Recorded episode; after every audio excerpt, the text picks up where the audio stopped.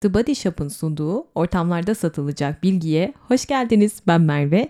Bugün yine uzun zamandır beklediğiniz bir konuyla karşınızdayım. Özgüven.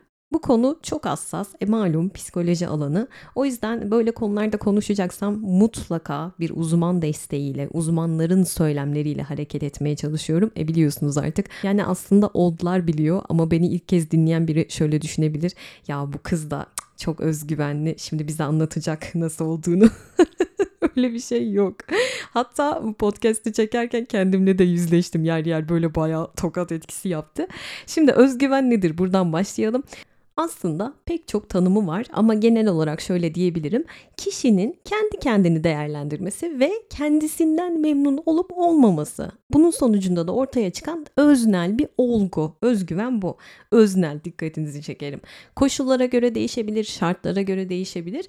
Ama burada en önemli nokta şu. Benlik yani öznel dedik ya benlik çok önemli. Aslında özgüvenimizin oluşmasında en büyük rol benliğimiz arkadaşlar. Ve benlik kavramı bireyin ne olduğunu, ideal benliğimiz, bizim olmak istediğimiz benliğimiz, öz saygımızsa bizim kendimizi nasıl gördüğümüz ve nasıl olmak istediğimizle alakalı bunların arasındaki o duygu farkı. Toparlayacak olursam özgüven dediğimiz şey bireyin kendi yeteneklerini, kendi duygularını tanıması, kendini sevmesi ve kendine güvenmesi. O zaman kendimize şu soruyu sorabiliriz. Kendi yeteneklerimizin farkında mıyız? Kendi potansiyelimizin. Sizce kendinizi yeterince tanıyor musunuz? Ve en önemlisi de o tanıdığınız kişiden, olduğunuz kişiden kendinizden memnun musunuz? Burada vereceğiniz cevaplar aslında özgüvenimizi belirliyor. Hani yüzlerce yıl önce e, Delphi Tapınağı'nın girişinde yazan o meşhur söz. Kendini bil. Her yerde bu karşımıza çıkıyor değil mi? Kendini bil. Çünkü kendimizi sevebilmek için kendimizi bilmemiz gerekiyor. Kendimizi tanıdıkça kendi değerlerimiz, kendi ilkelerimiz oluyor ve bu çerçevede gelişmeye başlıyoruz. Kendi karakterimizin inşasını yapıyoruz bu şekilde. O yüzden kendini bilmek gerçekten çok mühim. Kendi karakterimizi ortaya koyamadığımız takdirde özgüvenimiz de namümkün ve bir de şu var bu yeteneklerimiz hakkında gerçekçi bir bakış açısına sahip olmamız gerekiyor. Hani bazı insanlar kendini böyle inanılmaz büyük görebiliyor. Bazısı da çok aşağıda görüyor.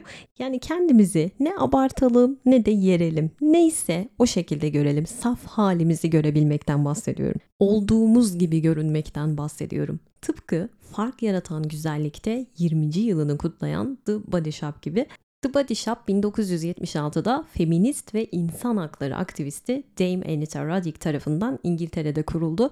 Üstelik kendi elleriyle hazırlamış olduğu 25 ürünü küçük bir dükkanda satmaya başlayarak giriyor bu işe ve kurulduğu andan itibaren güzellik yaklaşımı güzellik sektöründekilerden çok çok farklı. Neden? Çünkü içerikleri doğal kaynaklı ve kadınların tenleriyle barış içerisinde olmasını sağlayan ve onları asla başka biri gibi gösterme sözü vermeyen ürünlere sahip The Body Shop başarısının kaynağı da bu zaten. Saf halimiz, katıksız halimizi görebilmek. Hani özgüven için önemli bir adım demiştik ya. Ve kurucusu Anita güzellik endüstrisinin genç kızlara, kadınlara neye benzemesi gerektiği konusundaki o katı görüşlere karşı çok güçlü bir duruşu var. Güzelliğin bir kişinin neşe, rahatlık ve özgüven kaynağı olduğuna inanan birisi. Kadınları böyle belli şekilde görünmeleri için değil, kendilerinin en iyi versiyonları olması yönünde teşvik ediyor. Yani bir güzellik markasından çok daha fazlası aktivist bir güzellik markası. Parfümlerden vücut losyonlarına, makyaj malzemelerinden cilt bakımı ürünlerine kadar her şey vegan. Ve yine önemli bir detay hayvanlar üzerinde deney yapmıyorlar. E, The Body Shop Türkiye'de ilk mağazasını 2003 yılında İstanbul'da açtı. 20 sene oldu. Yani Türkiye güzellik pazarının kilit oyuncularından benim favori ürünüm tabii ki çay ağacı yağı ürünleri. Zaten çok meşhur. Bilenler bilir. The Body Shop'çılar çok iyi bilir bu efsane yağı. Vitamin C de çok sevilen ürünlerindendir. Bir bakın derim. The Body Shop'ın yer aldığı sosyal sorumluluk projeleri de bence çok anlamlı. Hayatın her alanında gençlere ve kadınlara destek olacak pek çok sosyal sorumluluk projeleri yaptılar. Şu anda da global bir projeleri var. Kendi Sesin Ol projesi. Gençlerimizin sesini duyurmaları için destek oluyorlar toplum gönüllüsü olan gençlerin katıldıkları sosyal sorumluluk eğitimlerinin ardından toplumsal cinsiyet eşitliğinden çocuk haklarına, kültür sanattan sağlığa, ekolojiden hayvan haklarına kadar pek çok temada projeler üretiyorlar ve toplumsal sorunlara çözüm üretme safhasında destek oluyorlar. Geri dönüştürülebilir ambalajları bu da çok hoşuma gidiyor. Yeniden dolum yapabiliyorsunuz. Vegan, %100'e yakın doğal içerikli ürünleri var. Çevreye, hayvanlara duyarlı çalışmaları var. Bu şekilde adından söz ettiren aktivist bir marka The Body Shop ve kurucusu Anita'nın dediği gibi güzellik kendinizle ilgili her şeyin dışa vurumudur. Açıklamalara bırakmış olduğum linkten The Body Shop'ın ürünlerini daha detaylı olarak inceleyebilirsiniz. Merve bize özel indirim kodu var mı? Tabii ki var. 2 hafta süreyle tanımlı olacak şekilde sadece online'da geçerli bir indirim kodumuz var. Kodumuz ortam TBS. Bu kod ile tüm indirimlere ek %10 indirimden faydalanabilirsiniz. Hadi devam edelim. Peki özgüven özgüven diyorum ama özgüven eksikliği dediğimiz şeyde ne oluyor? İnsan kendinden şüphe duyuyor bir kere. Pasifleşiyor, e, aşırı uyum göstermeye başlıyor etrafına, boyun eğiyor yeri geldiği zaman. Eleştirilere karşı aşırı hassasiyet gösteriyor. Güvensizlik problemi yaşıyor. Bazen depresyona giriyor. Aşağılık duygusu hissedebiliyor, sevilmediğini hissedebiliyor. Yani özgüvenin tam tersi. Aslında biliyorsunuz ki bunların temeli çocukluğumuzda atılıyor. O yüzden şöyle bir çocukluğumuza dönelim istiyorum.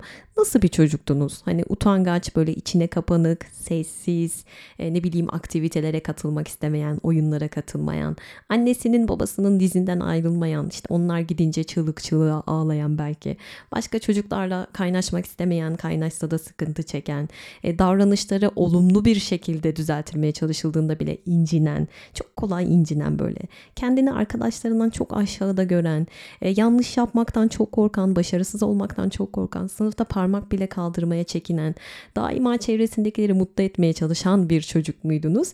Ya da çok saldırgan, sürekli zorbalık yapan, e, insanları aşağılayan, hatta okuldan kaçan, işte sürekli böyle seviliyor muyum, sevilmiyor muyum diye düşünen, e, isteniyor muyum, istenmiyor muyum acaba bu ortamda arkadaşlarım tarafından bunu düşünen.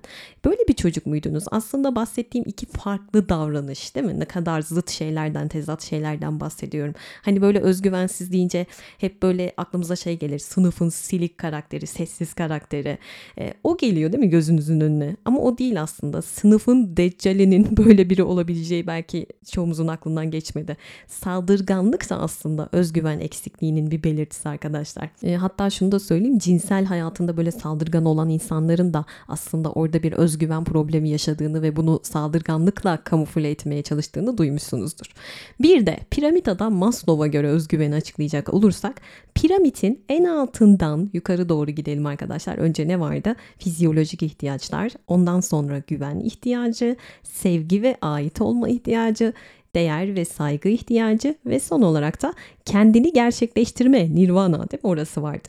Buradaki o değer ve saygı ihtiyacı dediğimiz kısım o basamak özgüven için en çok ihtiyacımız olan kısım. Yani biz o olmadan en üst basamağa maalesef çıkamıyoruz. Bu nokta önemli. Yani özgüven yoksa zaten kendini gerçekleştirme piramidin en üst basamağı da yok. Peki özgüven neden bu kadar önemli? Çünkü bu çok büyük bir duygusal gereklilik. O olmazsa yani mutsuz oluyoruz ya mahvoluyoruz. Ve çocuklar üzerinde yapılan bir araştırmaya göre Anne babanın çocuğu 3-4 yaşına kadar yetiştirme biçimi çocuğun erken yıllardaki özgüven derecesini belirliyor. Çocuğun özgüveni doğduğu an başlıyor diyenler de var. Sonradan şekilleniyor diyenler de var ama 9-10 yaşına kadar iyice gelişiyor ve sonra da hayat boyu sürüyor diyebiliriz. Şimdi özgüven eksikliğinde önce aslında bir tanı koymamız gerekiyor. Çünkü iki tür özgüven problemi var. Biri durumsal özgüven düşüklüğü. Yani e, yalnızca böyle belli başlı alanlarda özgüvensiz olmamız. Atıyorum iş yerinde müthiş özgüvenlisinizdir ama yeni biriyle tanışacağınız zaman, aşk hayatına atılacağınız zaman geri duruyor olabilirsiniz, özgüvensiz olabilirsiniz gibi gibi bunları çoğaltabiliriz. Diğeri de karakterolojik düşük özgüven. Bunun sebebi çocukluğumuzla alakalı, e, özellikle de terk edilme gibi temalar varsa.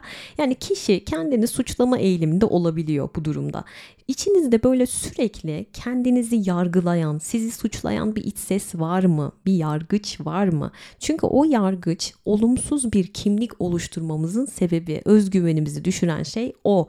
Habire kendimi yargılıyorum Merve. Ben kendimi hiç sevemiyorum ya diyenler buraya dikkat. Eğer özgüven eksikliğiniz varsa en etkili yöntemlerden biri bilişsel yeniden yapılandırma. Yani ne yapacağız? Düşüncelerimize odaklanacağız ve meseleyi çözeceğiz. Az sonra oraya geleceğim ama size bir soru sormak istiyorum.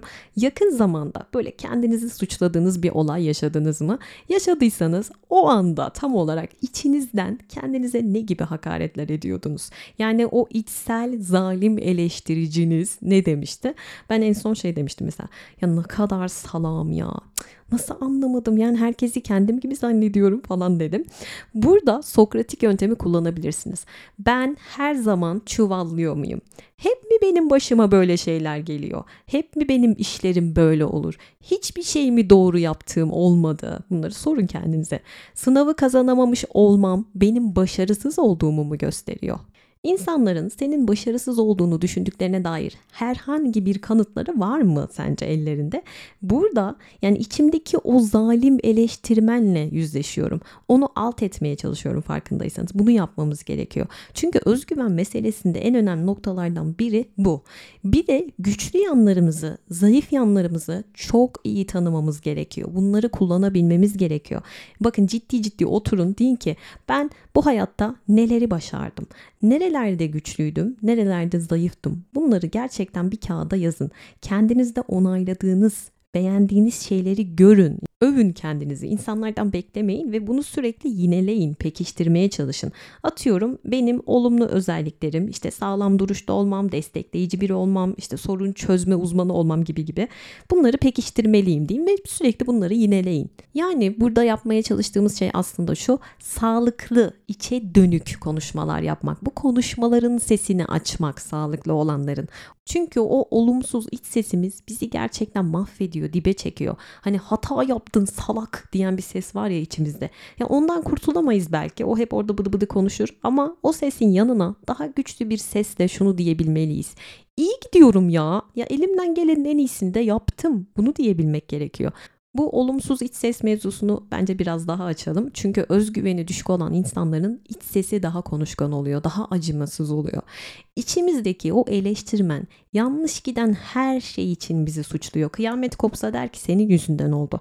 Bizi başkalarıyla kıyaslıyor, onların başarılarıyla, onların yetenekleriyle, onların güzellikleriyle sürekli karşılaştırıyor ve diyor ki sana sen yetersizsin ya. Bize erişilmesi olanaksız böyle mükemmellik ölçüleri koyuyor. Sonra en küçük hatamızda ipimizi çekiyor hiç acımadan. Tüm hatalarımızı kayda alıyor ama güçlü yanlarımızdan asla söz etmiyor. En iyi değilsen hiçbir şey olamazsın imajı çiziyor. Bizi yetersiz, çirkin, bencil, başarısız, zayıf bunlarla yani bu lakaplarla anıyor ve öyle olduğumuza inanıyoruz bir süre sonra. Arkadaşlarımızla otururken onların zihnini okuduğumuzu zannediyoruz. Ay bizden sıkıldı mı? Hatta benden belki nefret ediyor falan diye düşünüyoruz. Öyle bir şey yok halbuki. O benim içimde konuşan iç ses. Zayıf yanlarımızı abartıyor da abartıyor. Güçlü olan yanlarımızı bastırıyor. Yani içimizde patolojik bir eleştirmen var. Her gün bizi daha da dibe çekmek için çabalıyor. Değerimizi alaşağı etmek için. İşte neticesinde de özgüvensiz oluyoruz. O sese öylesine inanıyoruz ki sonunda diyoruz ki tamam ya ben böyleyim demek ki diyoruz ve sonunda kendimizi yargıladığımız o şey kendini gerçekleştiren kehanete dönüşüyor bir noktadan sonra. Çünkü inandığımız şeyi yaşıyoruz. Atıyorum flört ettiğiniz biriyle buluşacaksınız. Daha böyle hazırlanırken o içinizdeki ses başlıyor. Zaten sen çok sıkıcı birisin adam çok sıkılacak, kadın çok sıkılacak. Neyse ikinci buluşma olmayacağı için kısa kesersin. Çok da kasmana gerek yok zaten bunu giymesen de olur. İşte seni çok kilolu bulacak, beğenmeyecek zaten. Yüzünde sivilce mi çıkmış? Çok kötü görünüyorsun ya. Yani orada onu yakalayıp gerçekten böyle pataklamak istiyor insan. İşte bu kötü iç ses yani içimizdeki o yargıç, o eleştirmen. Bunun pek çok silahı var ve en etkilisi de çocuklukta bize kazandırılmış olan değerler ve kurallar. Nasıl olduğumuzu, nasıl olmamız gerektiğiyle karşılaştırıyor ve bizi yargılıyor.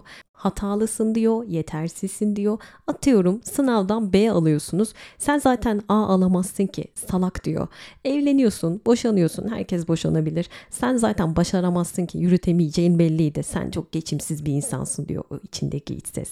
Sonra erkek adam ailesini geçindirir diye bir, şey düşünüyor kendi kendine. İşten çıkarılıyorsunuz. Olabilir. Herkes işten çıkarılabilir. O içinizdeki ses sizi öyle bir aşağılıyor ki sen diyor adam mısın? Evine bile bakamıyorsun diyor. Yerle bir oluyorsunuz. Azıcık böyle kendiniz için bir şey yapmak istiyorsunuz. Şöyle kendime biraz zaman ayırayım. Ben de insanım kendime bakayım diyorsunuz. Bir annesiniz. İnsan önce diyor çocuklarını düşünür. Beyincil diyor içinizdeki ses. Atıyorum e, hayaliniz müzisyen olmak ya da işte barmen olmak olsun. Ama babanız avukat. İşte çocuklukta size öğrettiği bir zorunluluk var.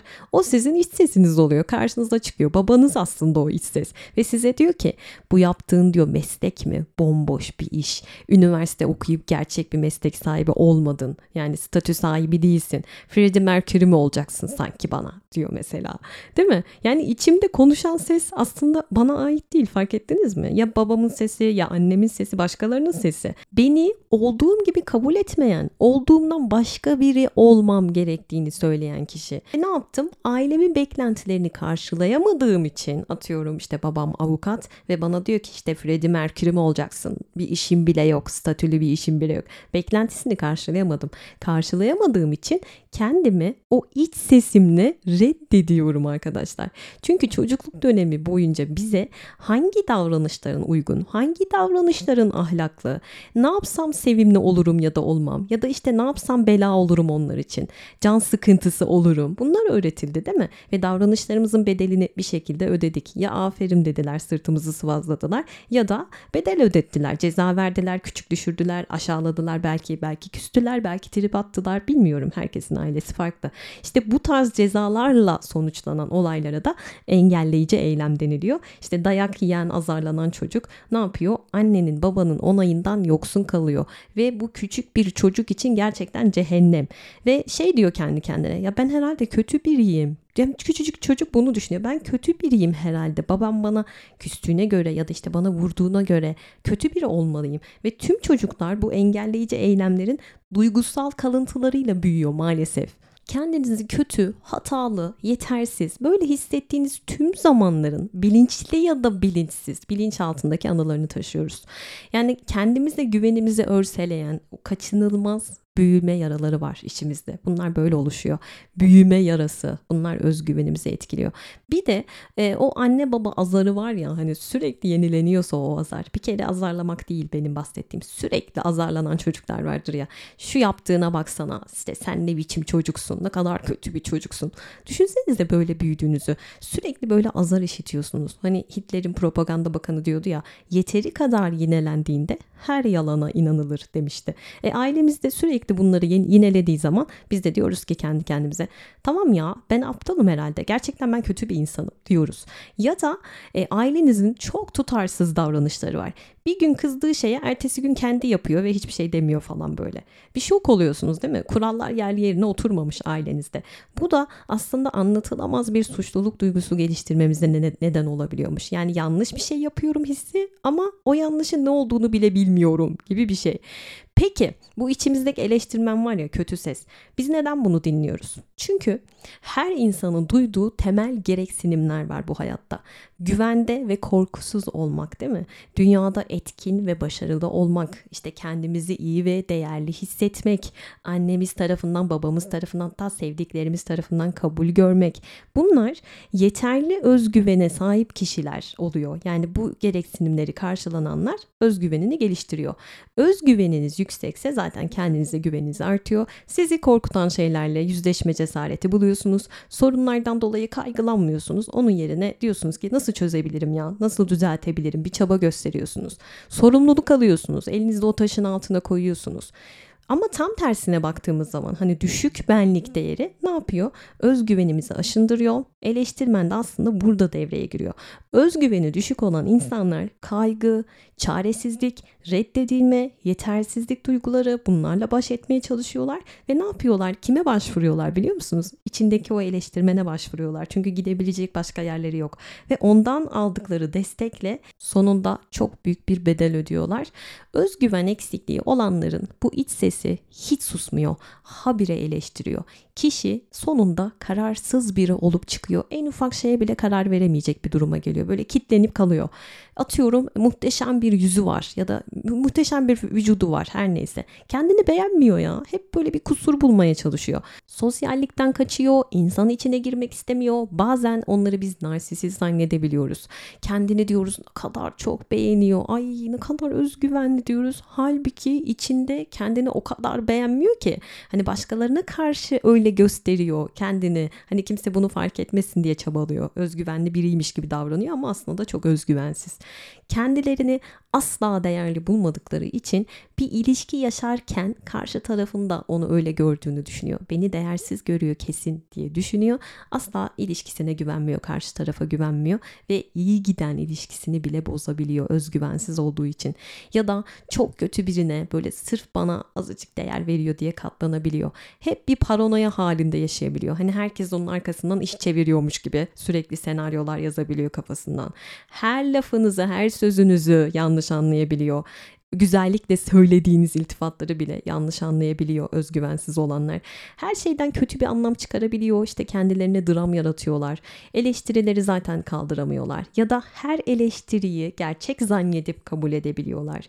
Onay bağımlısı oluyorlar. Hata yapmaktan çok korkuyorlar, sorumluluktan kaçıyorlar, mükemmelliyetçi olabiliyorlar ve hayır demeyi beceremiyorlar özgüvensiz olan insanlar. Dediğim gibi bunun temelleri çocuklukta atılmış olabiliyor. O eleştirmen size böyle annenizle babanızla işbirliğindeymiş gibi saldırabiliyor. Anneniz size işte bencil olduğunuzu söylediyse o da söylüyor iç sesiniz sürekli diyor ki sen zaten bencilsin. Ya da babanız size ahlaksız dediyse karşınıza çıkıyor bir yerlerde iç sesiniz diyor ki sen zaten çok ahlaksızsın. Aslında içinizde konuşan anneniz ve babanız oluyor bazen. Bakış açınız onlarla aynı olunca hani işte evet ben bencilim, ben ahlaksızım aynı olduğu zaman bir ait olma hissi geliyor ya da işte duygusal açıdan güven duygusu yaşıyoruz. Çünkü annemle babamla aynı fikirdeyim değil mi? Bu da ne yapıyor? O iç sesimizi pekiştiriyor. Sesini daha da çok açmamızı sağlıyor kötü sesin. Hani bazen şey deriz ya e, abi kimsenin bana şöyle şöyle olduğumu söylemesine gerek yok. Ben zaten kendime söylüyorum. Hani ben zaten kendimi aşağılıyorum. Senin aşağılamana gerek yok. O yüzden kendimize söylediğimiz sözleri yakalamamız gerekiyor. Ne söylüyoruz kendimize sık sık? Mesela bu iç eleştirmen sizin kendi değerinizden kuşkulandığınızı anladığınız an devreye giriyor farkında olmadan. Size asla erişemeyeceğiniz ölçüler koyuyor. Yardım etmeye çalışıyormuş gibi görünüyor. İşte diyor ki 6 ayda bir terfi etmelisin. O zaman kendini değerli hissedeceksin. Bütün gün çocuğunla oyun oynarsan iyi bir anne olabilirsin. Eşini mutlu edersen, her yaptığına sabır gösterirsen mutlu olursun. Şu saate kadar çalışırsan patronunun gözüne girersin edersin, seni takdir eder. İç sesim konuşuyor şu anda. Yani bunları söylerken e, siz kendinizde aslında şey zannediyorsunuz böyle. Tamam ya çok güçlüyüm ben bunları yapabilirim. Böyle zannediyorsunuz ve inanılmaz bir efor sarf ediyorsunuz. Ne burada amacımız aslında? Yetersizlik duygusundan kaçmaya çalışıyoruz. O yüzden olmayacak mükemmellerin peşine düşüyoruz. Kendimizi tüketene kadar çalışıyoruz, çabalıyoruz. Her şeyi yapacak güçteyim diyoruz. Çabamız bu yüzden yetersizliğimizi örtmek için. İş değiştirmek istiyoruz. Hemen oradan sesleniyor iç sesimiz. Sen bu işi beceremezsin ki. Zaten senin bu işi anlamadığını hemen anlarlar. Kovulursun kızım boş ver diyor mesela. Otur oturduğun yerde diyor. Niye riske giriyorsun diyor. Birinden hoşlanıyorsun, açılmayı düşünüyorsun. Sana diyor ki o adam işte ya da o kadın sana bakar mı ya? Sen kendini ne zannediyorsun? Zaten çok sıkıcı bir insansın. Hani buluşsan da bunun devamı gelmez. Seni beğenmeyeceği için reddedecek ya boşuna uğraşma diyor ya da sevdiğiniz birine öfke duyuyorsunuz. Haklısınız ama haklı olduğunuz halde o eleştiri oklarını size döndürüyor ve saplıyor. Kendinizi bir şekilde haksız çıkarmayı başarıyorsunuz. Kendinizi özür dilerken buluyorsunuz mesela. Halbuki diyorsun ki ben haklıydım ya ben niye özür diliyorum. İçinizdeki ses diyor ki çünkü size sorun çıkaran sensin diyor. İşte bu. Ne olursa olsun o ses faturayı size kesecek. Hep siz suçlu olacaksınız. Senelerce çile çekersiniz. Sonra boşanırsınız. O içinizdeki ses der ki azıcık susup otursaydın, o kadar dırdır etmeseydin çocuğun şimdi senin yüzünden annesiz babasız kalmazdı. Senin yüzünden oldu. Seni cezalandırıyor, sana acı çektiriyor. Ve acı çekerken ne oluyor biliyor musunuz? Suçluluk duygusuyla oradaki baş ettiğimizi zannediyoruz. Bu çok tehlikeli bir şey. Kendimize hakaretler ederek rahatlamaya çalışıyoruz. O iç ses bizi rahatlatıyor. Öfkemiz hep kendimize dönüyor.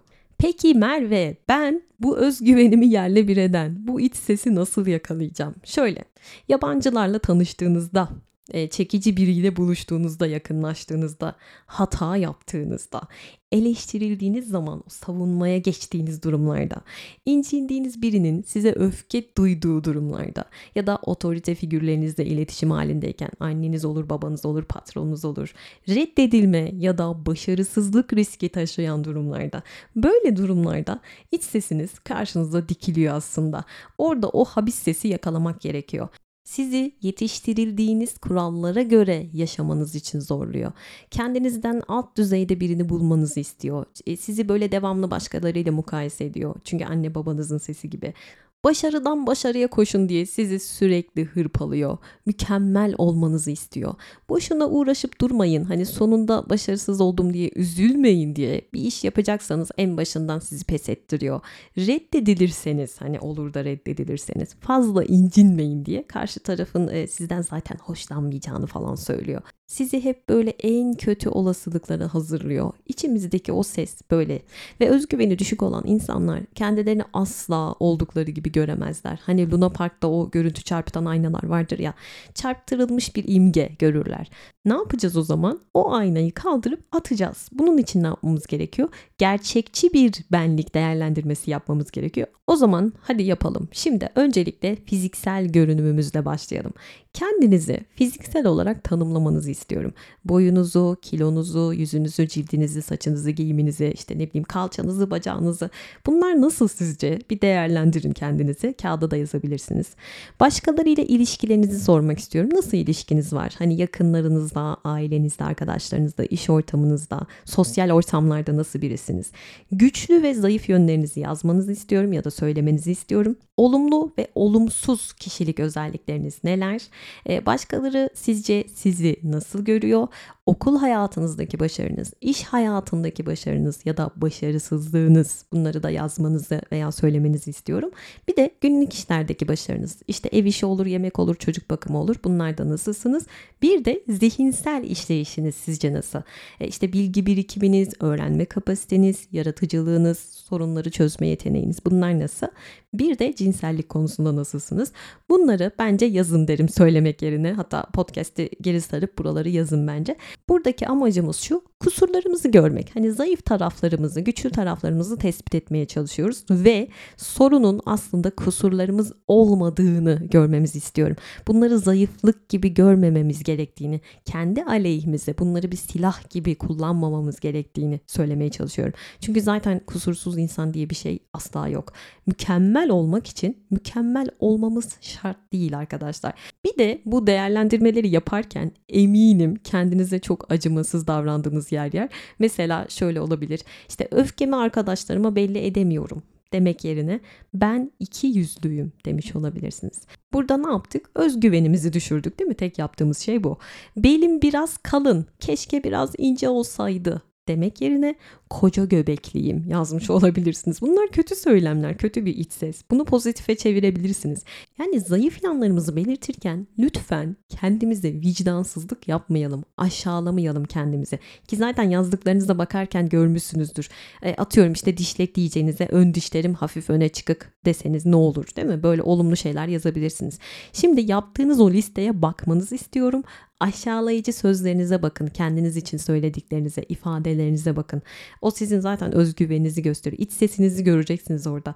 Bunları birinin yüzüne söyleyebilir misiniz arkadaşlar? Hani bir arkadaşınızın yüzüne oraya yazdığınız hakaretleri söyleyebilir misiniz?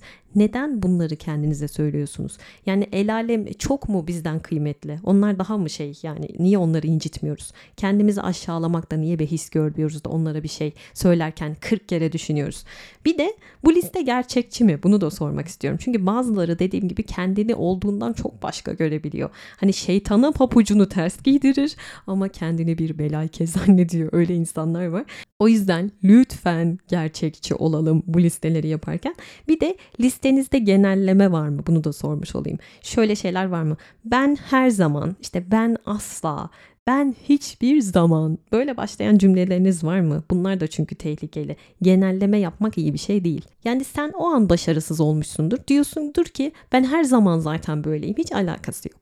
Şimdi de güçlü yanlarımızı nasıl bulacağımıza bakalım. En çok sevdiğiniz kişiyi düşünün. Hani hayranlık duyduğunuz kişiyi sorsam size ne derdiniz? Hangi özelliklerinden dolayı o kişiye hayranlık besliyorsunuz? Bunları neden soruyorum? Çünkü başkalarını sevip saymanıza neden olan o özellikler aslında sizi de betimliyor. Bilmiyorum fark ettiniz mi? Bir de en son ne zaman kendinizle gurur duydunuz? Ya aferin bana dediğiniz e, nokta neydi ve neden duydunuz kendinizle gurur? Bunları da söylemenizi istiyorum. Geliştirmek istediğiniz yönleriniz var mı? En son neyle uğraşırken böyle ya da işte neyi hayal ederken aşırı heyecanlanmıştınız? Yani sizi akışa sokan şey neydi? Bundan e, bahsediyorum. Sizi diğer insanlardan farklı kılan özellikleriniz neler?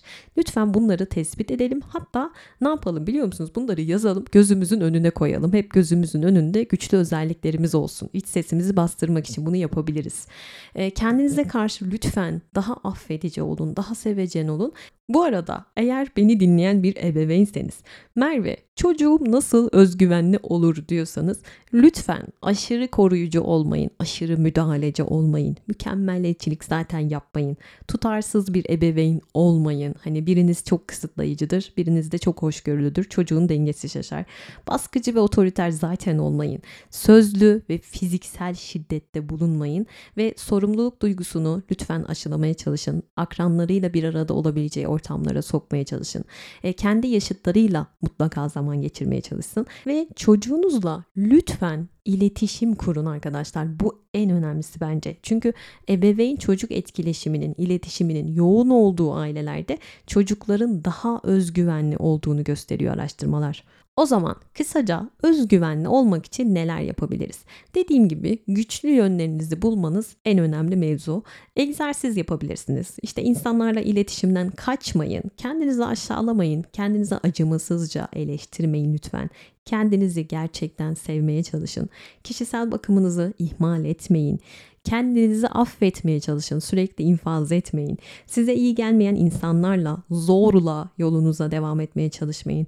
Çıkarın hayatınızdan o toksik insanları. Ee, sizi böyle dibe çekenleri, eleştirenleri, iyi gelmeyenleri bunları hayatınızdan çıkarın. Kendinizi başkalarıyla kıyaslayıp kıyaslayıp mutsuz etmeyin. Kendinize hedefler belirleyin ama lütfen bu hedefler makul hedefler olsun, ulaşılabilir hedefler olsun. Zayıf yönlerinizden utanmayın. Onları görün ve nasıl düzeltebileceğiniz üzerine çalışın. Ve insan olduğunuzu lütfen unutmayın. Çünkü bazen unutuyoruz. Hepimizin kusurları var. Hani kimse mükemmel değil şu hayatta. Ve özgüven dediğim gibi sonradan da kazanılabilen bir şey. Lütfen bunu aklımızdan çıkarmayalım. Pozitif, kendi kendinize konuşma pratikleri yapın. Pozitif diyorum bakın. Ve işte şey demeyin. Bununla başa çıkamam, bu imkansız. Bunu demek yerine şunu söyleyin. Ben bunu yapabilirim tek yapmam gereken denemek. Bunu diyebilirsiniz. Hiçbir şeyi doğru dürüst yapamıyorum. Bunun yerine bir dahaki sefere daha iyisini yapabilirim. Bunu diyebilirsiniz. Bakın pozitife çeviriyoruz. Olay bu. Korkularımızın üstüne üstüne gidelim, yüzleşelim, utanmayalım, kaçmayalım ve tabii ki iyi olduğumuz şeylerin de üstüne üstüne gidelim. Güçlü yönlerimiz varsa daha da güçlendirelim onları. Hayır demekten lütfen korkmayalım kendimizi ödüllendirmeyi de bilelim. Çabalarımızı kendimiz takdir edelim yeri geldiği zaman. Hani illa millet beni görsün de bravo desin diye beklemeyin. Çünkü bazen e, insanın kendi sırtını sıvazlaması gerekiyor. Kendi başını okşaması gerekiyor. Aynada kendi gözlerinin içine bakıp aferin demesi gerekebiliyor kendine. Ve geçmişte yaşadıklarımız geçmişte kaldı. Geçmişte yaşamayı lütfen bırakalım. Düne ait ne varsa dünde kaldı cancağızım. Şimdi yeni bir şeyler söylemek lazım. Kendinizle yarışın bir de. Hani rakibiniz kendiniz olun. Başkaları değil. Geçmişteki sen ol rakibin. Ve yeni şeyler denemekten lütfen korkmayalım. Konfor alanımızdan çıkmaya çalışalım. Bize iyi hissettiren şeyler giyelim, hatta yiyelim arkadaşlar. Minnet duyduğumuz şeyleri düşünelim. Bardağın boş tarafını görmeyi lütfen bırakalım artık. Biraz da dolu tarafına bakmak lazım. Bir de biri sizi övdüğü zaman lütfen o iltifatı kabul edin. Hani hemen böyle kendinizi kötülemeye çalışmayın. Böyle insanlar var. Kendinize de başkalarına davrandığınız gibi iyi davranın lütfen. Başarısız olduysanız oradan da bir ders çıkarmaya çalışın. Hatalarımızdan da ders çıkaralım. Ve şunu asla unutmayalım bizim kendimiz hakkında ne düşündüğümüz başkalarının bizim hakkımızda ne düşündüğünden çok daha önemli. Çünkü her zaman istediğimiz o yaşam biz ona sahip olduğumuzu ilan edebilecek özgüvene ve onu kendimiz için kabul edebileceğimiz öz değere sahip olduğumuz gün bizim olacak. Fark yaratan güzellik Body Shop'un sunduğu ortamlarda satılacak bilginin sonuna geldik. Bu konuların devamı gelecek. Haftaya tekrar görüşmek üzere. Kendinize iyi bakın. Hoşçakalın. Bay bay.